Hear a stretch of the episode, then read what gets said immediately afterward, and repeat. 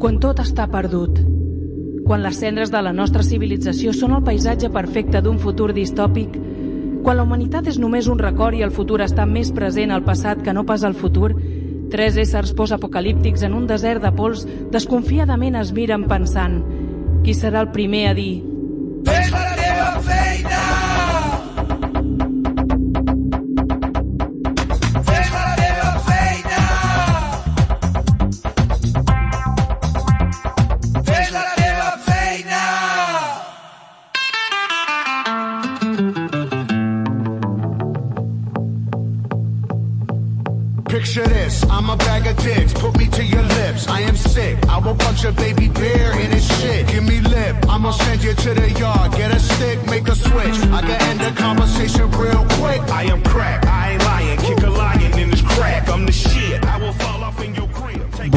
una vegada més a Fes la teva feina, un programa que presentat, si fossin per necessitats del servei, una sola persona.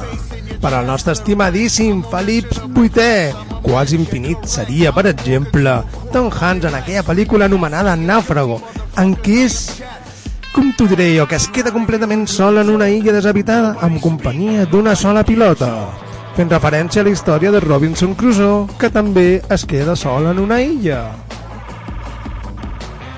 També per al nostre estimadíssim Damien Recio, podria ser Tom Hanks en aquella pel·lícula anomenada La Terminal, en què es queda completament sol en un aeroport per culpa d'una guerra i el seu passaport no li serveix ni per entrar ni per sortir. O de Gary Oldman interpretant la pel·lícula Dràcula a la pel·lícula, lògicament, de Francis Ford Coppola. Ja sabeu, per allò de ser un burguès i estar tot sol fins al final de l'eternitat. I per mi mateix, Alejandro Cortés, podria ser tranquil·lament a l'actor Michael Collins en la pel·lícula de Stanley Kubrick, Cuando el hombre llegó a la luna, o també coneguda com a El, el, el águila ha alu- alunizado. Un home que el seu paper era estar tot sol en el Colúmbia. Avui, per necessitats del servei, estic sol i no sé com acabarà tot això, però doneu-me una oportunitat per demostrar que sense ells aquest programa no és el mateix. I, si podem, intentaré fer una connexió telefònica, però no prometo nada. I no estava tan nerviós des de que sortia a la pissarra en el col·le, des de que vaig fer l'últim combat de judo com a àrbitre, o des d'aquell dia que et vaig dir si quiero davant de la meva dona i d'un mossèn. I abans de començar, hi hem de recordar que ens, trobar-te, ens trobareu a totes les xarxes socials, sempre buscant la teva feina. I com no, sempre donant-nos aquell suport, aquell amor i aquella gràcia que sempre ens donem. I, lògicament, donar les gràcies a Calona, a la botiga de la Guineu, al carrer Serrat de la Rodonella, número 7, urbanització Les Guilleries, entrada per Puig de l'Agulla, a Viladrau, per confiar en nosaltres. I ara sí, comencem?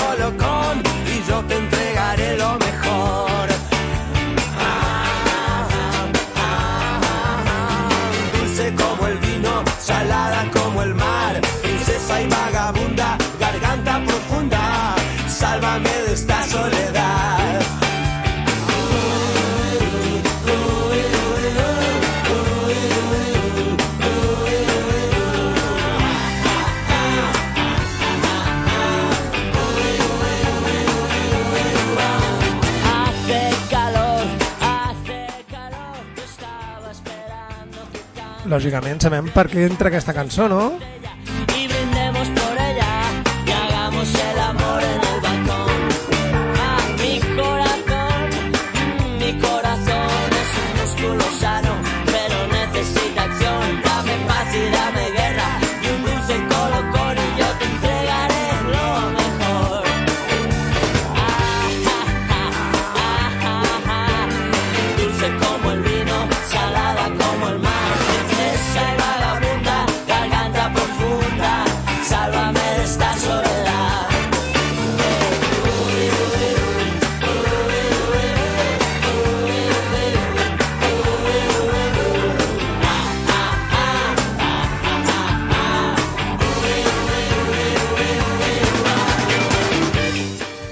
Tal? Bon dia, com estem? Molt bé. Ai, ai, hola, Héctor, què tal, com estàs? Ah, ja, ja estic en directe, m'has posat en directe, estic de corresponsal o encara no? No, no, ja estàs en, estàs en directe, t'estan escoltant tothom i tothom sap que estic completament sol. Ara, Què dius? Què dius? Què dius? Ja t'he perdut? Bueno, pues, acabem de veure que no sóc bo de, de realitzador de tècnic. Tornarem a trucar, eh? No us preocupeu.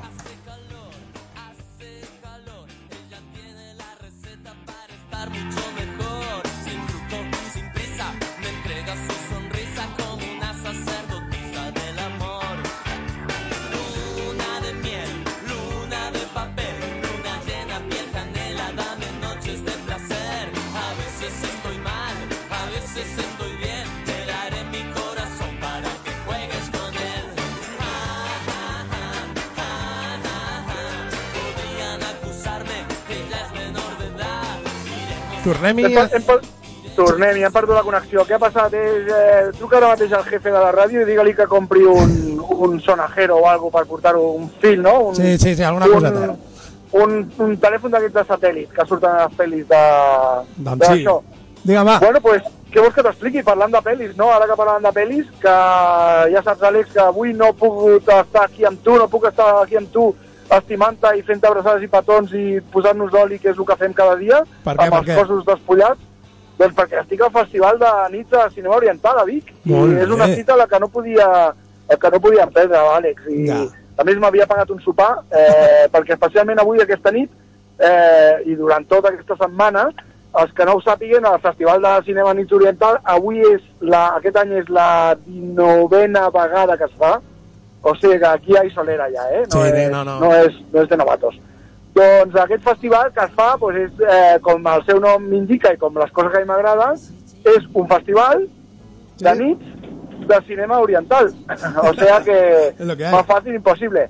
Eh, hem de dir que als matins també fan sessions, i, en el, i això estem parlant a Vic, eh? Sí. I a tots els centres cívics es fan activitats. Hem de dir que les sessions de, de l'Atlàntida, que són de, de matí, eh, són gratuïtes, o per tots els públics, o sigui que animem a tots els nostres Ui, eh. seguidors que vagin a veure pel·lícules friquis coreanes, xineses, in, hindús i, i de més en versió original subtitulada, per suposat, Ah. i que són pel·lis que, que segurament no heu vist, perquè moltes són estrenades aquí en aquest eh, festival, que no només és un festival a nit, sinó que també és un concurs. Ah, I, doncs. i, I la gent, o sigui, hi ha gent que porta pel·lícules per concursar, i pel·lícules que són estrenes mundial, com per exemple la que vaig veure l'altre dia, que es diu Anita, Anita Mui, que explica la història de lo que seria la Madonna de Oriente, pues es veu que hi havia, una, hi havia, perquè va morir, una dona que era com la Madonna, superfamosa, superfamosa, cantante i actriz, eh, podríem dir spoiler, però seria com el Titanic, perquè és la biopic d'aquesta noia. Vale, o vale, vale. que no, no és spoiler, és la vida, i si busques en Wikipedia... Segur que surt, segur que surt. Bueno, pues, pues eh, recomanem a tots els nostres oients que vagin al- als nits de cinema oriental. Pues sí. Eh, què més es fa? Pues a la Bassa de los Hermanos, que és un descampat gegant, que Ah. aquests, aquests dies he anat parlant amb gent, molta gent desconeix que hi ha la Bassa de los Hermanos. Hòstia, eh, aneu a passejar per, per, per, per Vic i per la vostra ciutat, si està aquí al costat. Ah, doncs a la sí. Bassa de los Hermanos es projecten cada nit a les 10 de la nit eh, pel·lícules per tots els públics i a més també gratuïtament. Gratuït. Eh, podeu Molt important. endur-vos la vostra manteta o la cadireta, seure ja a la vostra gespa, a, a, bueno, a vostra trosset de gespa, i agafar unes cervesetes, que per cert, eh, fan l'estrena també de la Nitòmana, que és la cervesa especial del festival. Ja sabeu que qualsevol festival que tingui la seva pròpia cervesa És és, que és un gran festival, és com una festa amb nans. Una festa amb nans és més festa encara. Pues, eh, una nit de festival que tingui la seva cervesa, pues és que és més festival encara. És molt més. Uh. I aquesta nit, que, que, que, per, per què he abandonat el meu estimat Àlex? Pues he abandonat el meu estimat Àlex perquè aquesta nit vaig a veure una pel·li de Kung Fu eh, de l'any 1978, una Hòstia. pel·li considerada una de les 10 millors. Vols que et digui el que diuen els crítics de la, de, del, del cinema oriental? Però d'aquella època d'aquesta? D'aquesta, d'aquesta pel·li, Ah, del 1978, te, llegiré el que explica el llibret del festival. Vinga. Aquesta pel·li es diu Warrior 2, 2 és 2, o sigui, dos guerrers, eh, i diuen que els amics de Chen Guangxu i Fei Chun convencen el mestre Lian Qiang Mm-hmm. perquè els ensenyi l'art del Wing Chun, un estil de Kung Fu. I així Vale. podran enfrontar-se a una banda que assetja la gent del poble. Eh, la Bassa eh, es vesteix de gala per rebre una còpia remasteritzada d'una de les millors pel·lícules d'art marcials de la història del cinema. La història del mestre Ip Man és una producció de la Golden Harvest que combina al·lucinants coreografies d'acció amb moments hilarants de comèdia física. Vale. Amb aquesta sessió d'homenatge a Casanova Wong, el festival materialitza un dels seus desitjos confessables de projectar un clàssic del cinema Kung Fu a la bassa. O sigui, que aquesta nit, Àlex, després, he de dir que porto dos dies o tres eh, veient pel·lis bastant més intimistes i de rotllos així més personals i de més, i ja tenia ganes de coses de, de patades i, i cops de puny. Ben fet, I, ben i, I de coses d'aquestes que són les que volen de veritat. Vale. Estic molt content per poder anar a veure aquesta pel·li. Us he de dir que el festival eh, fins dissabte i diumenge encara projecten pel·lis que n'hi han que s'han de pagar però n'hi han que són gratuïtes. Us podeu mirar a la pàgina web cinemaoriental.com, buscar allà, si plau, busqueu i vingueu al festival, que és un festival, és una cosa tan bonica i tan... I, eh, festival. les pel·lis que valen pasta valen 5 euros, eh? Us recomano per aquest dissabte una pel·lícula hindú de, que es diu Triple R, que és d'aquelles explosions... Heu, heu de pensar que aquest festival la gent aplaudeix quan la gent es fa petons i quan arrenquen caps i quan hi ha explosions. O sigui que és, és, un, és un festín. De veritat us animo a vindre a aquest Sí, festival sí. perquè us ho passaré molt bé. Sí, I sí, sí. què passa també, Àlex? Pues que fan menjars temàtics el dia de la Ah. bassa, quan vas allà a la nit a, a veure les pel·lis, també hi ha restaurants, diferents restaurants de Vics, que fan eh, menjars temàtics per aquests dies. Bé. Avui quin dia toca? Avui toca eh, Corea del Sud. Ah, I ara et diré el menú que tindrem. Aquí, també aquí. hem de recordar que, que no només projecta la pel·li, sinó que, que a partir de les 8 es fan activitats al, a la bassa, vale? es fan, doncs, per exemple, avui tenim un concert de K-pop, Ah. que per suposat tinc la meva filla aquí boja allà amb les dues cuetes fetes i amb els cabells pintats de colors per anar a ballar com bojos al ritme de K-pop. vale. Eh, K-pop, para que no sabe, pues es pop de Corea. Por eso le ponen una K por delante. Son como las cosas que me gusta, pero a medias. Eh, Vale. el menú, que és el que nos interessa Sí, a tots sí, els sí, sí, catalans. el menú, a bons catalans, el que ens interessa és el que es menja en aquest festival, no? Sí, sí, sí. sí. Pues hapchae, Ah, i tu diràs, què és hapchae? Pues Sí, són pues. fideus de boniato amb Ah. verdures. Vale. Eh, dan nalgae chorin, sí. que es arroz con alitas de pollo. Ah, lo que mira. pasa que ellos lo dicen, lo dicen diferente. Y picante, y picante també. Eh, farcelleta de quinxí, Bé. quinxí més algo vegetal, farcellets de carn, que es- probablement sigui porc, Ah, i eh, quinxí, que és el mateix davant però sense farcellets i que també és vegetal. ah, bien. I això és el que jo menjaré, que és el menú que m'havia demanat, i per això, Àlex, no estic aquí amb tu, perquè m'he gastat 50 euros en aquest sopar sense pensar. Eh, sense pensar. Bueno, No. 50 euros perquè mengem 4, eh? bueno, Mengem uns quants, eh? No, és igual, és igual, és igual. que podria ser, no és que sigui car, eh? I, És i per això us he abandonat, sobretot per aquest menjar i per una pel·li dels anys de l'any 1978, l'any que jo vaig néixer. Aquesta pel·li jo tenim la mateixa edat. Ara, ara. Eh, ve veurem a veure qui ha, qui ha, enve- qui ha envellit millor, si la pel·li o jo. Segurament Bueno, la, teva, la, la Eh, crítica està molt bé. No, no la crítica està molt bé. Bueno, hem de dir que també tenen postres, que Sí. els postres són importants per un sopar que es preui, i tenen estrena aquest any del Neko, que és el gat del festival, la mascota, Sí. i han fet un gelat, de, bueno, un pastisset del Neko, un pastisset de mousse de nata amb recobert de xocolata i coses d'aquestes, amb la cara d'un gat, boníssim. Un altre per tots els friquis estimats del nostre programa han fet el pastisset de la bola de drac, o sigui, Oh. literalment et menges una bola de drac, Oh. que està farcida de mango i, i, i fruita de la passió, eh, apassionant. I també han fet la Oyo, que és la caca de l'Arare, Oh, però feta de maduixa i de més, no, De no és de merda, és de, De és de coses comestibles. De maduixa. Ah, Boníssima. vale, vale, vale. O sigui que, que, bueno, us recomano, us recomano tots que vingueu, si us plau, tots els amants del cinema, no us perdeu aquesta oportunitat de gaudir Ah. del festival que es fa a Vic, no a Vic, sinó al centre de Vic, Sí, al ben ben centre de Vic, i tots els friquis veniu a aquest festival que, que hi ha coses, moltíssimes coses gratis. Vale, vale. També s'ha de dir que cada any ho fan. És a dir, que... Ja està bé, sí, sí, clar, perquè fa 19 anys que ho fan. Però penseu que, que, que uh, les pel·lis són gratis Sí. i les cerveses valen un euro i mig. O sigui que, no sé. És un, és un planazo, Sí. és un planazo per les setmanes sí, completes. o sigui, patrocinem aquest uh, festival i, i us espero a tota la bassa. Espero, Àlex, que quan acabis em vinguis a veure, no? A Ui, donar no sé, unes patadiques. no sé, no sé, ja veurem, ja veurem. A veure què diu, Ja, què ja diu la ja dona, veurem. què diu la dona. I a veure com acaba el programa, te recordo que A, estic sol, a eh? veure com acabes. Bueno, avui és el primer dia de l'Àlex en solitari. Això no tornarà a passar mai, mai més, Àlex. Sí, no, ja ho bueno, saps. Bueno, no, tornarà sé, a passar eh, no mai sé. més. A lo mejor tengo un subidón aquí, me pongo... Ah, y nos, y nos echas a mí y al Demian. Al Demian no hace falta que lo eches, que ya se va solo.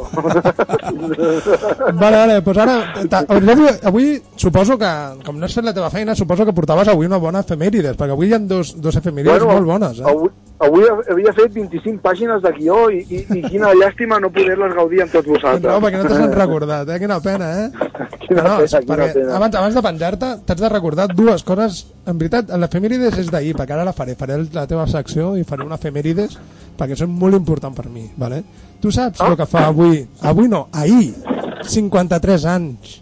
O, donat dit d'una altra manera, fa 78 anys. A veure, sorprèn-me, Àlex. És molt fàcil. A part de que va ser el cumpleaños del Maraquí de Maia, vale? Oh, ai Ah, tant. Sí, sí. Que fa 50 anys d'això, també. Sí, Cincuentón, ¿eh? ¿Quién sí, le va sí. decir? Parece ¿Quién le va que tenga 70 y mira, Sí. 50. Pues mira, ahir l'home va trepitjar la lluna. Ah. Ah, no ho sabies. I Sí, sí, te'n un, pe- un recordes... pequeño paso para el hombre y... Eh, sí, ho tinc escrit por ahí, ja t'ho diré jo. I un, I- gran, i- pas, i un gran i- salto per la humanitat. Tot i, tot i que caminen per la lluna, sembla la carrera del senyorito. Saps el que és la carrera del senyorito, Àlex? No. La carrera del senyorito és quan t'agafen per darrere els pantalons, s'aixequen cap amunt, et fiquen els calçotets pel cul i llavors et fan... Van L'aixeques caminar. i camines endavant. I llavors eh, sembla que vagis volant pues, caminant per la lluna. Ara, ara, ara.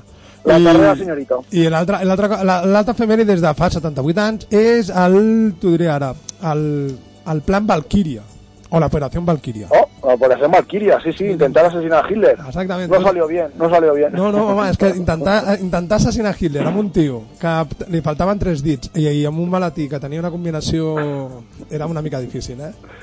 I, a, i amb un ull, no? Sí, Eh, sí. Potser si havia de... I era coix i potser te li si faltava havia- un ull. Si havia de tocar botons segurament no seria el més adequat. pues mira que hi ha gent, eh? Per fer-ho. Bueno, pues Héctor, disfruta avui del cinema oriental a Vic i jo intentaré acabar això correctament. O por Bueno, intentar. deja, deja el, el púlpito bien alto, Àlex, no baixis l'audiència. Jo ja sabes que de- deposito tota la meva confiança en tu i que això no tornarà a passar mai, mai més, mai més No et tornaré... res, no passa mai, res. mai, mai més tornaràs a volar, a volar sol. No passa res. Mira, es que me entra una pena, pero pienso en los fasallets y en los fideos y ya se me va. I se te'n va enseguida, exactament. Pues venga, Aitor, besitos, petons a tota la família, Bueno. disfruta i la setmana que ve ja en diràs com ha anat. Bueno, i petons a fer la teva feina i a Sí. tota la gent que ens escolti. I sobretot a tu una abraçada molt forta. I al nostre. Demian també, una abraçada molt forta, un petó. igualment. Y, y bueno, unos, unos, un, un, ¿cómo se llama eso? Un twerking, no, eso que se fregan con, con los órganos sexuales. Bueno, le diré fregging, un Sí, fregging para el un Demian. un freguing pel Demian. Pues vinga, va. Ens Bueno, veiem, un- T'estimo, Àlex. Apa, adéu. Fes la teva feina! Sí. Together,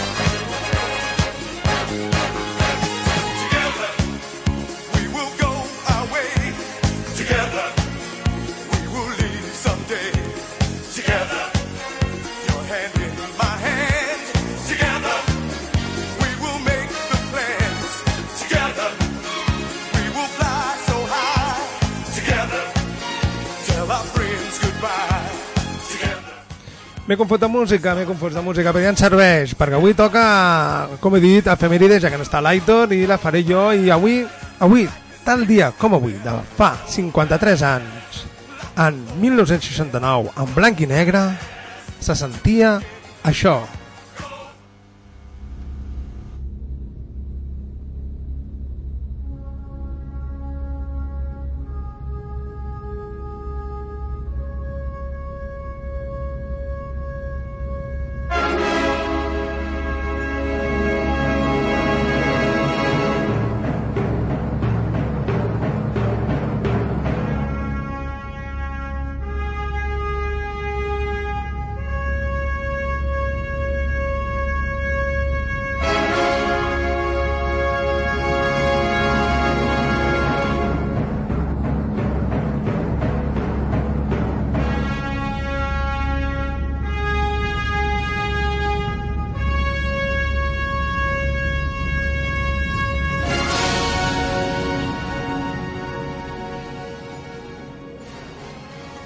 Després de quatre dies de viatge a bord de l'Apolo 11, a l'americà Neil Armstrong es converteix en el primer home en trepitjar la Lluna.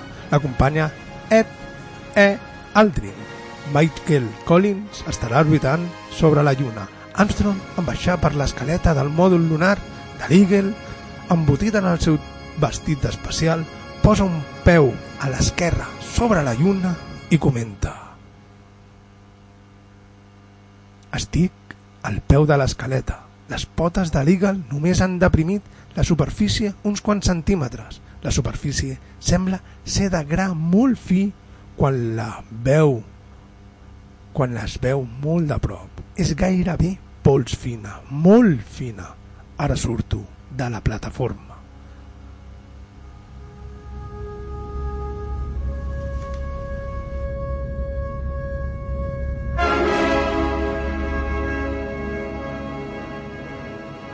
Tot seguit pronuncia la seva històrica frase.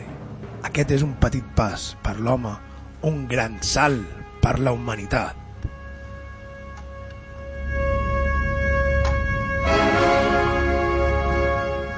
A la seva marxa, 21 hores més tard, els astronautes deixaran una placa amb la següent llegenda. Aquí, els homes del planeta Terra van posar un peu a la Lluna per primera vegada al juliol de 1969 després de Crist. Van venir en son de pau en nom de tota la humanitat. La tornada reeixirà cap a la Terra després de 8 dies de la missió marcarà un triomf dels Estats Units a la carrera espacial.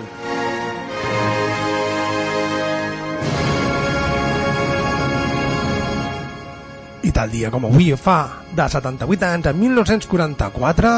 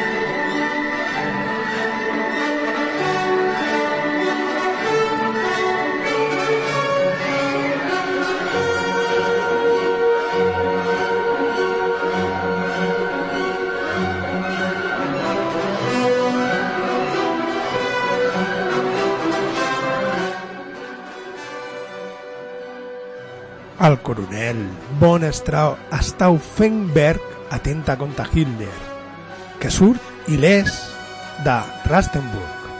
Els, els conspiradors seran perseguits i més de 5.000 persones resultaran executades, dels quals 200 han pres part directa de l'atemptat amb bomba el 20 de juliol del 44.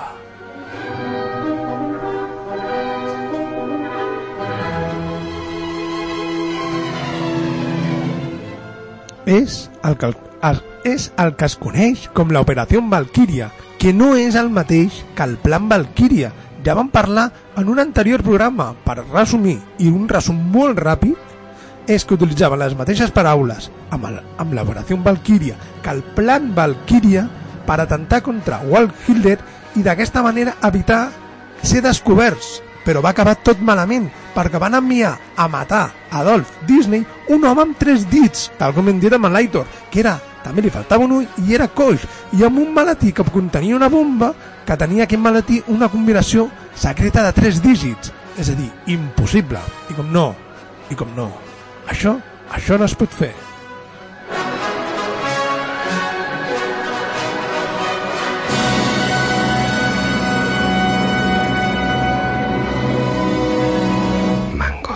La mangosta mata la cobra. La mangosta es el mejor animal. La mangosta mata la cobra. La mangosta es el mejor animal.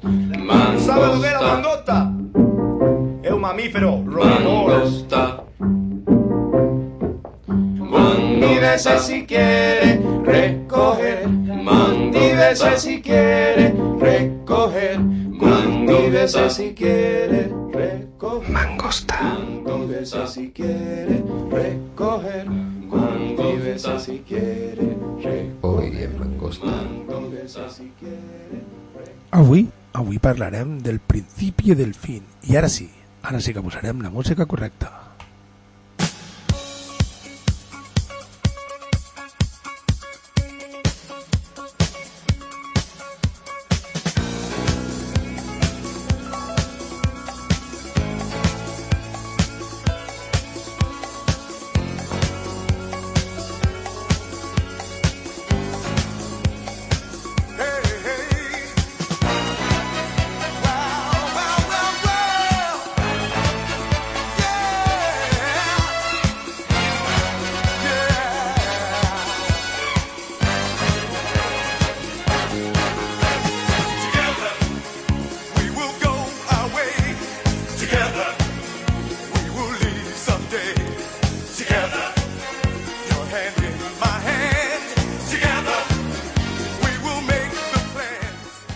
Ja sabeu com són les meves apocalipsis. Avui parlarem de l'apocalipsis, però di- dividirem l'apocalipsis en diversos escenaris apocalíptics per donar major experiència a aquells que ens estan escoltant.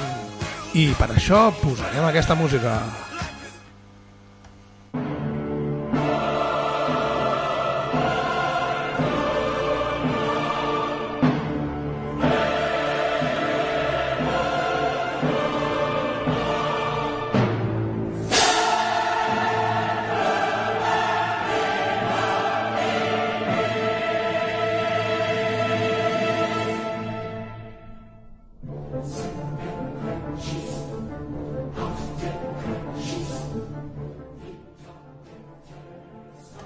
Saber què és l'apocalipsis, ens hem de posar en context. I jo pregunto, què és l'apocalipsis?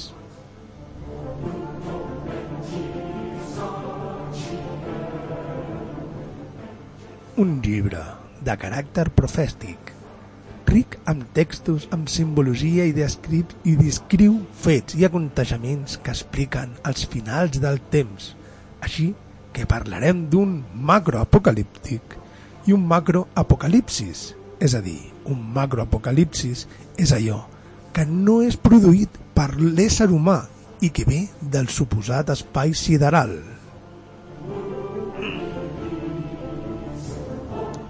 Sin comerlo ni beberlo, desaparecemos, sense saber-ho i en qualsevol moment.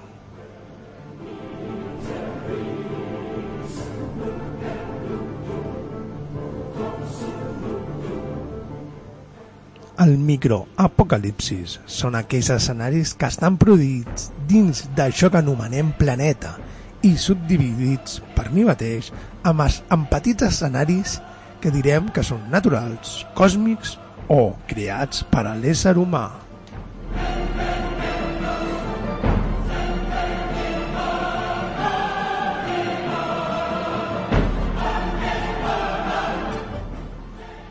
Però hem d'assimilar que tot té un final i tot s'acabarà. Així que avui parlaré d'un escenari macroapocalíptic, no creat per l'home i que un conjunt de coses estiguin a la seva posició perquè tot això passi. I podem començar amb una cosa anomenada Big Rip.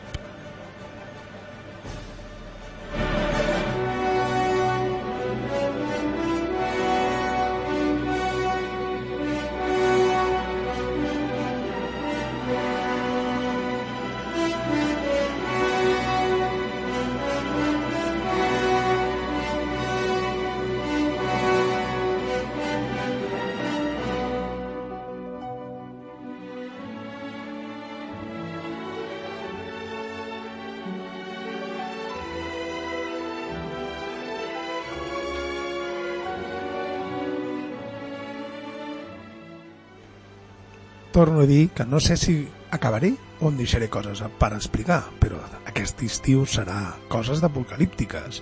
I us preguntareu per què tanta música clàssica? Pues, doncs, perquè fa molta por.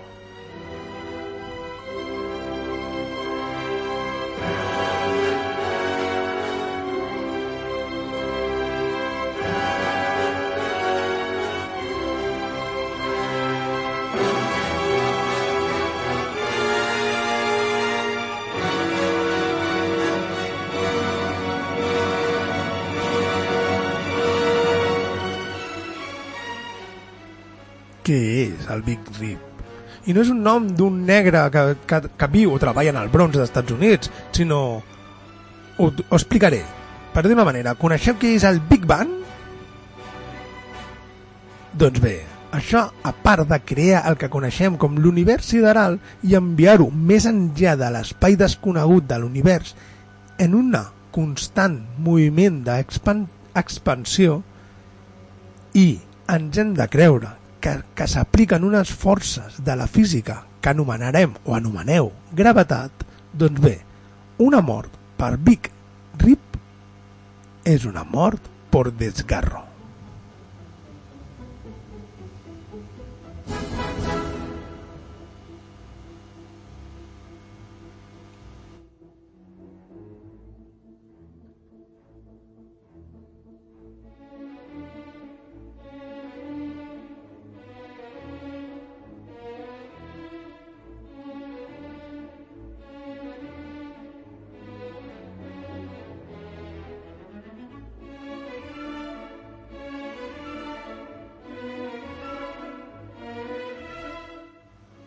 Sí, sí, una mort per desgarro. No per esguince, per desgarro. I què significa tot això? Arribarà un moment en aquesta es- expansió còsmica que la força de la gravetat deixarà de funcionar. És a dir, els sistemes planetaris perdran la seva coacció gravitatòria i seran atrets per la coneguda energia oscura. Podem dir que és l'antagonista de la força de la gravetat en aquesta pel·lícula còsmica.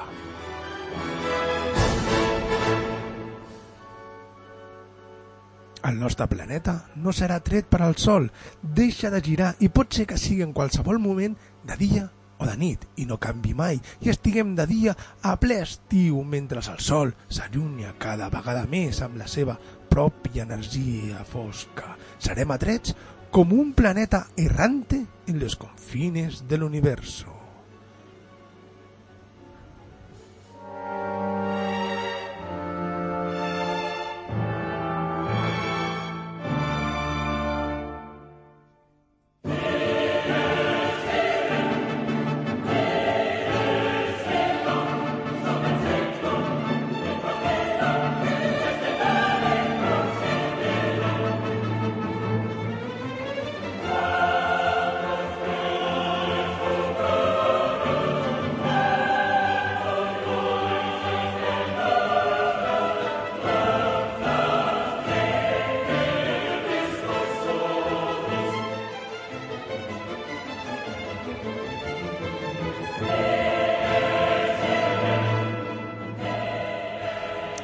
Canviem d'escenari apocalíptic. Ara con coneixerem el Big Freezer.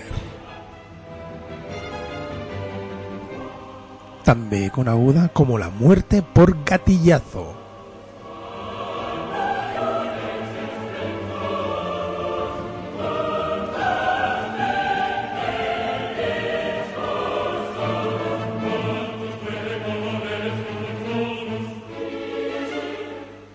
Un altre escenari macroapocalíptic. Tampoc és un sobrenom d'un de cap negre del Bronx. És la mort per entropia. Perdoneu, la mort per entropica de, dels nostres, del nostre univers. És una mort per falta d'energia.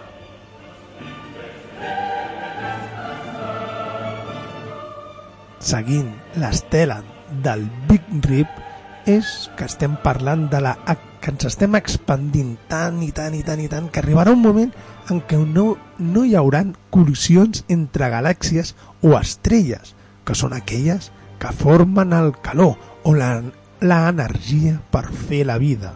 Aquesta hipòtesi està basada en la segona llei de la termodinàmica.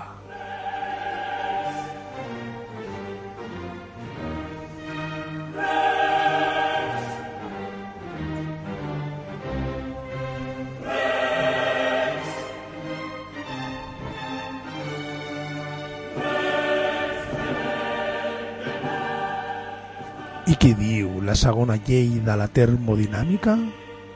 Si no estic equivocat, Tot treball mecànic pot transformar-se en calor, però no tot el calor pot transformar-se en treball mecànic.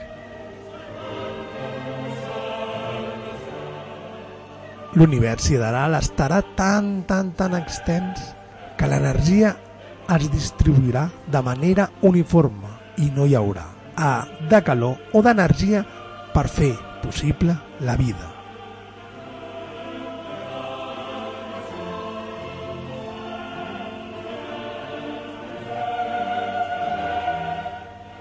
Com a anècdota, si voleu saber quina és la, ley, la primera ley de la termodinàmica, que diu, el principio de conservación de la energía establece que la energía no se puede crear ni distribuir durante el proceso, pero sí puede ser transformada.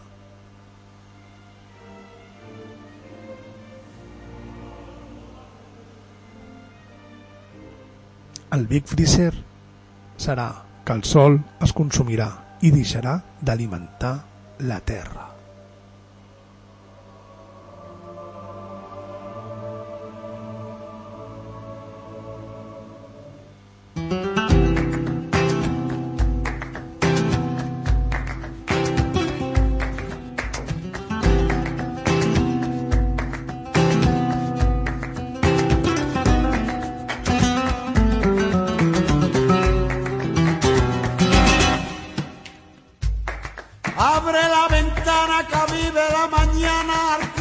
La cocina. Aire,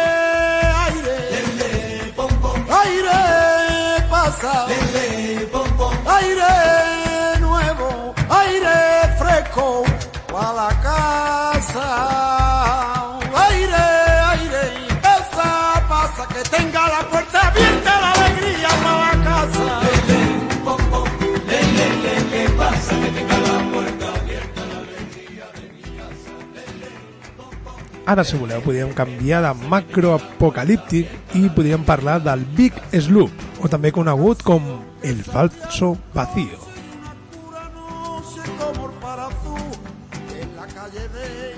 Ja te- ja t'aviso que té un nom de fill de puta. I l'amor per Big Sloop és una passada. Lo que ayer tenía, lo que graba y tú la Et torno a dir, et torno a dir de que és una mort que a mi personalment m'agrada molt. Fàcil d'explicar no és, però sabries dir-me què és un vacío quàntico?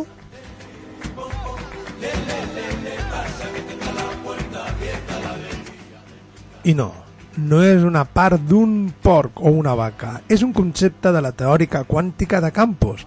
És un estat quàntic amb la menor energia possible, és a dir, el seu punt d'energia és aproximadament 0.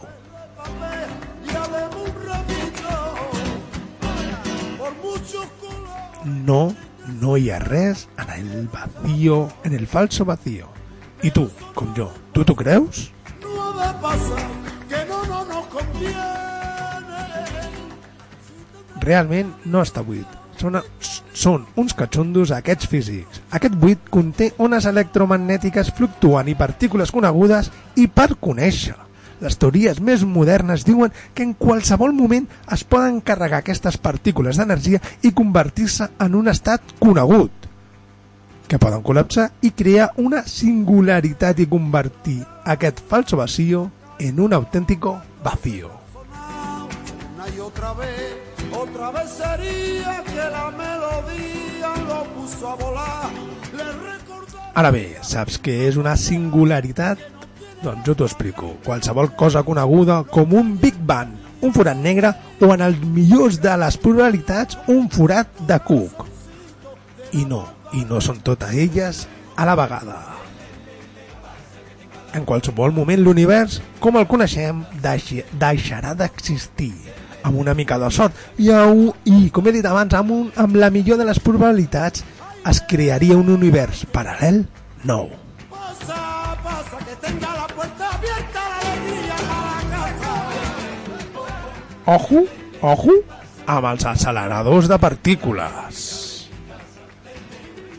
I ara sí, ara canviem a un nou escenari apocalíptic.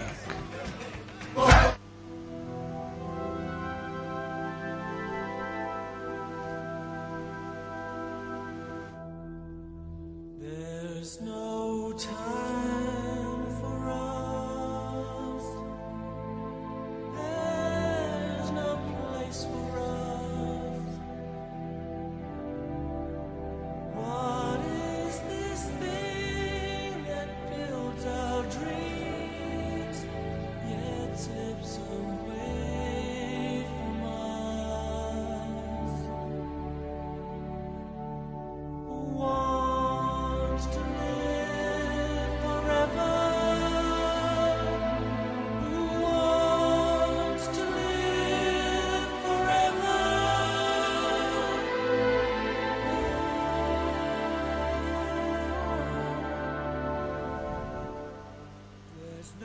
Tothom sap d'on ve aquesta cançó, veritat?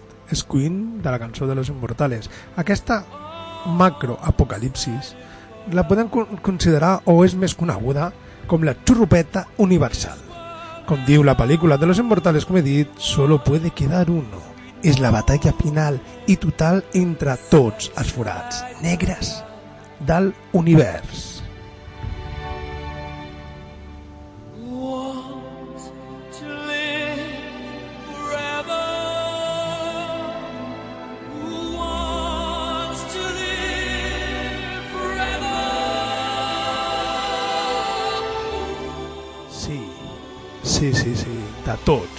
Cada un dels forats negres que hi ha en, en l'univers. El nostre sistema solar gira, o millor dit, és engullit per un forat negre anomenat Sagitario A, un forat negre d'allò més xungo, amb una massa de l'ordre de milions o de milers de milions de masses solars. Està situat al centre de la nostra galàxia, a uns 25 milions en llum i amb un diàmetre de 44 milions de quilòmetres.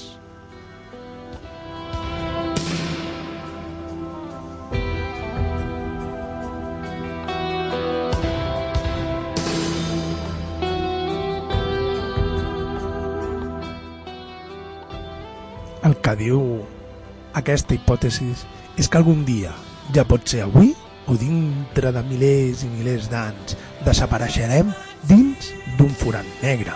És a dir, que tot allò que composa l'univers serà engullit per un forat negre. I al final, el nostre propi univers serà una lluita de forats negres en el que sols un d'ells quedarà.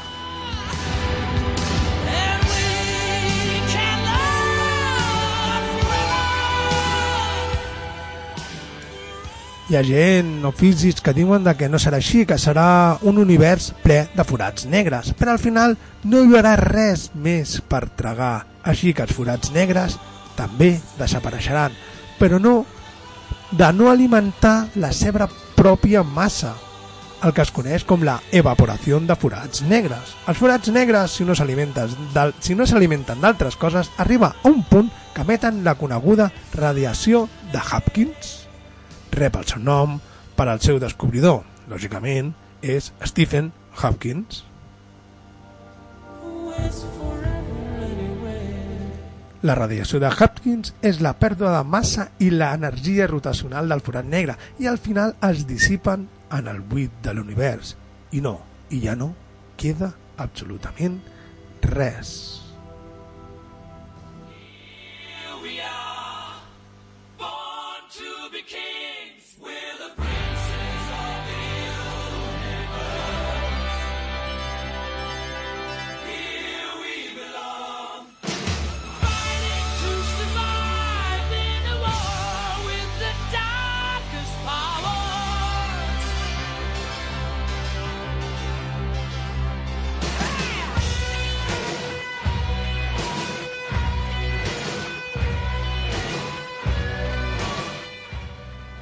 Ara tornaré a parlar sobre una loca teoria del macroapocalíptic apocalipsis, anomenada Big Crunch, també coneguda com el Gran Colapso o la Gran Implosió.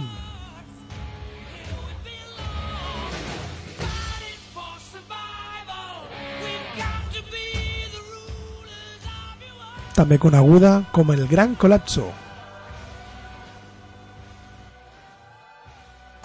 Hi han dues idees i mal explicades venen a dir Una d'elles diu tot el que puja torna a baixar, és a dir, que arribarà un moment que deixarem d'expandir-nos amb el Big Bang que hem dit abans per tornar a l'inici i fer una implosió de galàxies.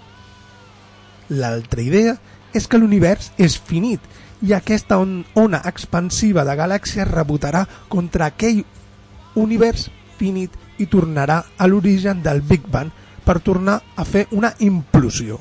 No sé si m'he explicat.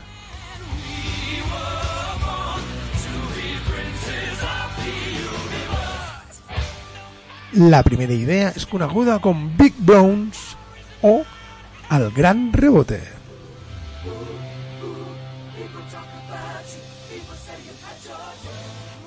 Hi ha gent que pensa que hi ha un període d'expansió seguit d'un període de contracció i així cíclicament, sense saber si a l'univers en el que estem és el primer o és el 666.000, 666.000 de l'era d'expansions i, contrac i contraccions universals.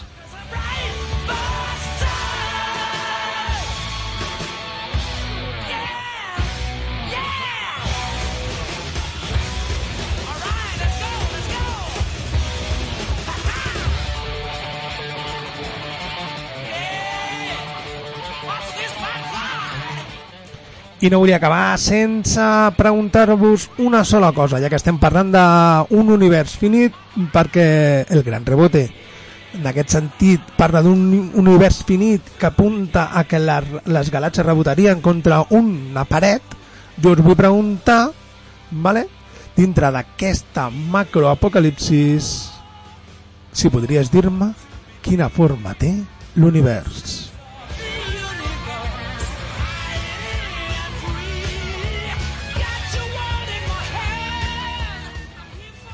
Podem dir que la forma de la Terra per una gran part de la societat equivocada és esfèrica, per una gran part més petita de la societat que no és del tot perfecta aquesta societat o aquesta part perfecta és que és plana i finita. Però hi ha una minúscula part de la societat que ara comença a despertar, que és més decident i no tan creient de les dogmes de la fe, que té un pensament més obert dins d'aquesta infinitat. També podem afirmar que aquells que formen part d'aquella societat equivocada que el moviment, que diuen que el moviment de la seva terra esfèrica és en un sistema solar que és al centre, és el Sol, i té un moviment elíptic i que la seva pròpia via làctia té una forma d'espiral, sense gluten i lactosa. Bé, no? Ens hem situat? Doncs jo torno a preguntar quina és la forma de l'univers?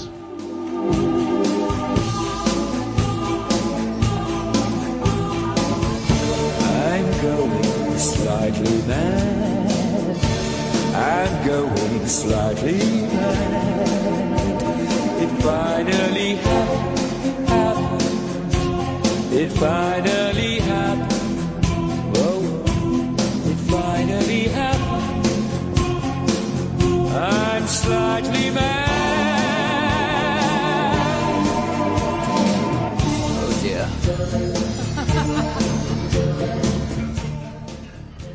Doncs, per respondre a aquesta pregunta hem de recórrer al principi cosmològico. No sé si en 10 minuts em donarà temps, però ho intentaré. És una hipòtesi de la cosmologia moderna que està basada en el número d'indicis observables de l'univers i diu que l'univers és isòtropo i homogènico. Homogènio, perdó. A veure, anem per parts. Què significa homogeni?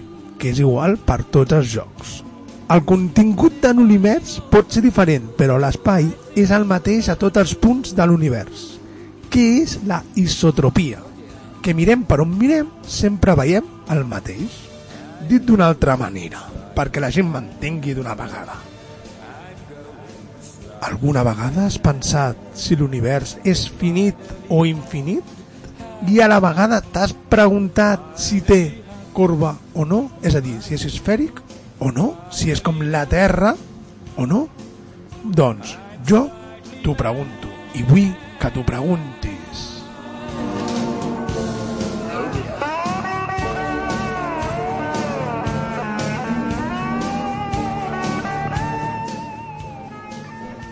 Si és homogeni, és que és igual per tots els jocs. Si és isòtrop, miris per on miris, sempre veient el mateix. Doncs quina forma té l'univers? Que sigui finit o infinit, en curvatura o sense? Doncs tinc una molt mala notícia. Mai de la vida pot ser un cub i tampoc pot tindre forma d'animal i menys d'unicorn. Sols ens queden quatre hipòtesis possibles. La primera hipòtesi és que sigui euclídea. La segona és que sigui esfèrica. La tercera que sigui hiperbòlica. I la quarta, toroidal.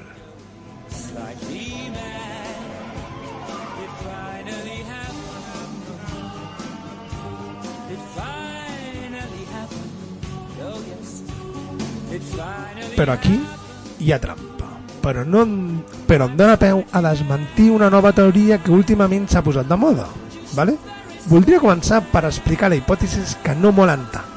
L'esfèrica, un univers finit amb curvatura, o la hiperbòlica, un univers finit amb... Perdó, una, una, la, la esfèrica, un univers finit i en curvatura. I la hiperbòlica, és a dir, un univers infinit però en curvatura. És a dir, la forma vindria a ser com una patata chip, aquelles Pringles, d'acord?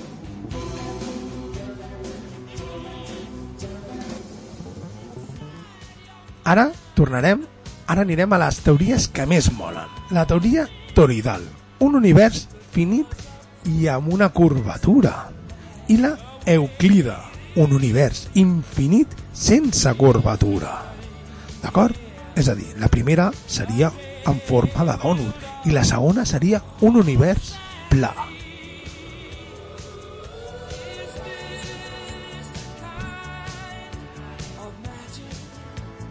Però com hem dit abans, hi ha una d'aquestes quatre teories que no compleix el principi cosmològico, perquè la llum no es propaga per igual amb tota la seva existència de les seves dues curvatures, i estic donant ja pistes. Una curvatura seria longitudinal i l'altra transversal. És a dir, la teoria toroidal, és a dir, un univers en forma de dònut, no és homogeni en totes les parts, sí que és isòtrop. Per això està dintre d'aquesta llista, perquè sempre veiem el mateix en qualsevol punt.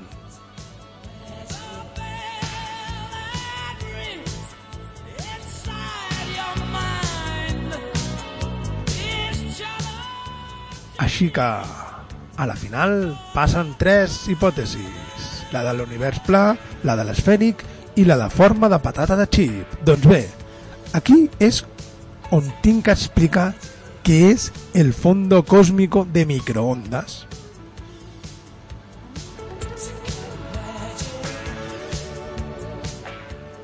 Tothom sap què és la prova del carbono 14, no? És aquella prova en, en què es demostra quina antiguitat té qualsevol cosa, és a dir, doncs la prova del fondo cósmico de microondas és com la prova del carbono 14, però, però és el carbono 14, és a dir, és l'isòtop, no la prova. Vale. El fondo cósmico de microondas és la radiació que va generar l'explosió del Big Bang vale? en aquella època. Aquesta radiació d'aquella època es compara amb un model matemàtic de com seria la, la radiació d'aquella explosió al dia d'avui. Una mica xungo, però sí. El resultat és lo important, no la prova. És a dir, si és igual a 0, si és positiva o si és negativa. És a dir, tenim tres resultats i tenim tres hipòtesis. Doncs, al dia d'avui, el resultat tendeix a...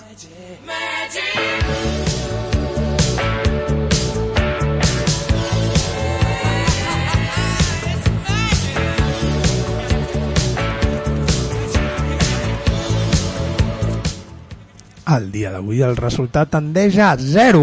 No és 0 per... però tampoc podem dir que és positiu o que és negatiu. D'aquesta manera, els científics de merda no volen acceptar la forma de l'univers i donar la raó a aquella part aquella petita part de la societat que és més decident i no tan creient dels dogmes de la fe de pensament obert. És a dir, el nostre univers o en la nostra planeta vivim en un univers que és pla. Vivim en un món pla, sense curvatura, e infinit.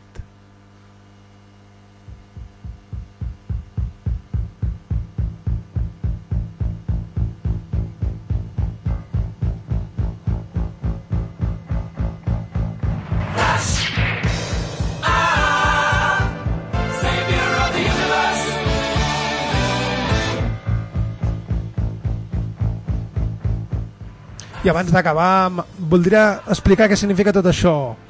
Que esperàvem, que es penen, bueno, en veritat es penen els científics en tindre ordinadors més potents per arribar a dir que no és pla i sense curvatura, però la seva hipòtesi és que vivim en un univers en curvatura, però el model escollit del fondo cósmico de microondes és tan petit que segurament ells pensen que la curvatura d'aquest univers no arriba a ser la tangent vale? o l'espai que ens indica que és curvat, d'acord? És a dir, han agafat un, un pla petit dintre d'una curvatura, amb la qual allò, per dir-ho d'una manera, és pla. Però bueno, vet aquí un gat, vet aquí un gos, que aquest conte ja s'ha fos. I com no, no podríem acabar sense una macroapocalipsis com a mi m'agrada i en aquests dos minuts sentirem lo millor.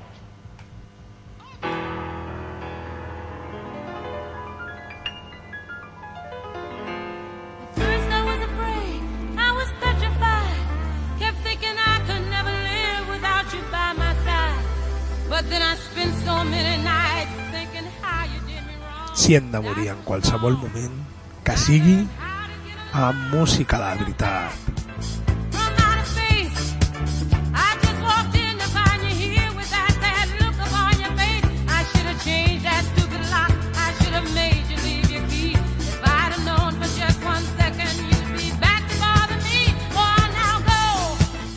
La setmana que ve tindrem unes mi micro escenaris apocalíptics per explicar, així que la setmana que ve espero que estiguem tots i podem dir allò ben fort entre, tothom, entre tots tres, un Déu molt gran. Així que jo em despedeixo fins a la setmana que ve i com sempre hem de recordar que es trobareu a totes les xarxes socials sempre buscant Fes la teva feina. I avui jo sol he fet el programa, em sembla a mi que ha quedat força bé. Bueno, des d'aquí us dono un petó a tots, al cinema de Vic intenteu anar, sisplau, si no és aquest any serà que sigui el que ve, però bueno, què hi farem? Des d'aquí un petó molt fort. Torno a dir, moltes gràcies per escoltar-me. I micro apocalipsis, escenaris. Ens veiem. Thank you.